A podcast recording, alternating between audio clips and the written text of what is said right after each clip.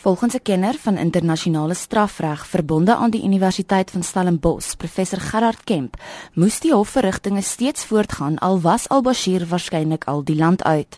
Maar hy sê daar is 'n onderliggende kwessie. Die internasionale strafhof sal voortgaan. Vir my is dit 'n groot krisis vir Suid-Afrika want dit beteken ons is nou op die punt waar ons ons eie hofbevele ignoreer. Dit is natuurlik baie problematies daar regeringsamptenare is of enige iemand wat veronderstel was om die hofbevel uit te voer en daai persoon het dit willens en wetens geïgnoreer, dan praat ons potensieel van minagting van die hof wat 'n strafregtelike oortreding is. Om meer as dit nog, Suid-Afrika het wetgewing wat die Rome Statuut inkorporeer in Suid-Afrikaanse reg. So wat ons eintlik van praat is dat ons ons eie wetgewing nie nakom nie. Suid-Afrika het die Rome Statuut onderteken en volgens Kemp troef die statuut enige diplomatieke immuniteit. Niemand vra dat immuniteit nou skielik opgehef word of geïgnoreer word nie. Wat internasionale verdrae soos die Rome Statuut anders maak, is dat dit spesifiek diplomatieke en staatshoof-immuniteit uitskakel as 'n verweer teen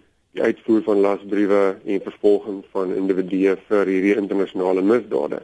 En Suid-Afrika het dit onderteken. Met ander woorde, ons het 'n ooreenkoms onderteken waarin ons bekenne gee. Ons sal ook as daai moment aanbreek, ons verpligtinge gevolg die Rome Statuut swaarder laat weeg as staatshoof en diplomatieke immuniteit.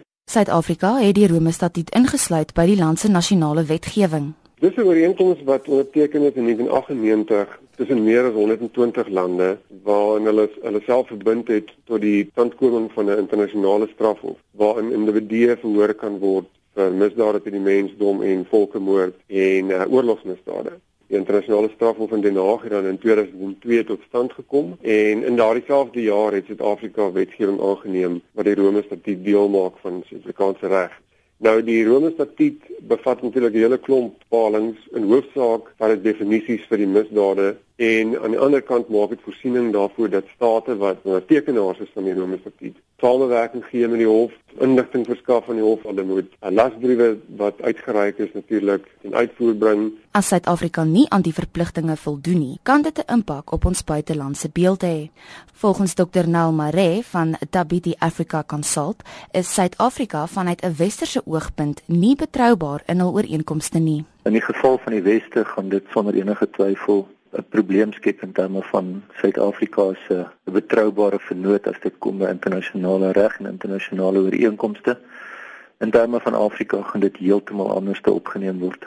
In die toekoms sal Suid-Afrika moet aanvaar dat wanneer dit kom by sy geloofwaardigheid, wanneer hy kontrakte en ooreenkomste sluit of dit nou handelsooreenkomste of politieke of regsooreenkomste is en die weste 'n rol daarin te speel, dan gaan daar sonder enige twyfel wantroue wees oor of Suid-Afrika vertrou kan word. In terme van die Afrika Unie is hierdie waarskynlik die finale doodsteek in terme van samewerking tussen die Geregshof en die Afrika Unie. 'n Konsultant van die Instituut vir Sekuriteitsstudies, Liesel Lou, sê die internasionale gemeenskap se versoek om Al-Bashir te vervolg moet belangriker wees as die res van Afrika se persepsie oor Suid-Afrika. Dit is 'n morele kwessie en dit is 'n regskwessie. Daar is groot simpatie vir Suid-Afrika se posisie en daar is selfs onder waarnemers gewone Afrikane is baie ongelukkig met die strafhof omdat dit net Afrika teiken. Daai sentiment loop baie sterk hier by die Afrika Unie, maar dit dui op 'n mislukking van Suid-Afrika se diplomatieke pogings. Dis iets wat verhoed kon geword het. 3 weke terug by die Afrika Unie in Addis Ababa het van die AU amptenare gesê Bashir gaan nie Suid-Afrika toe nie juis omdat ons wil verhoed dat die hele AU beraad nou skipbreek lê weens die kwessies rondom die internasionale strafhof. Hy het nou wel gekom. So dit beteken almal was bewus hier is 'n krisis wat kom En Suid-Afrika het nie daarin geslaag om dit af te weer nie. Ek dink nie ons kan nou hier wegstap en sê Suid-Afrika het nou punte aangeteken in die Afrika Unie nie. Dis 'n verleentheid vir Suid-Afrika, daar's geen twyfel nie. Dit was Lisa Lou van die Instituut vir Sekuriteitsstudies. Ek is Joan Marie Verhoef in Johannesburg.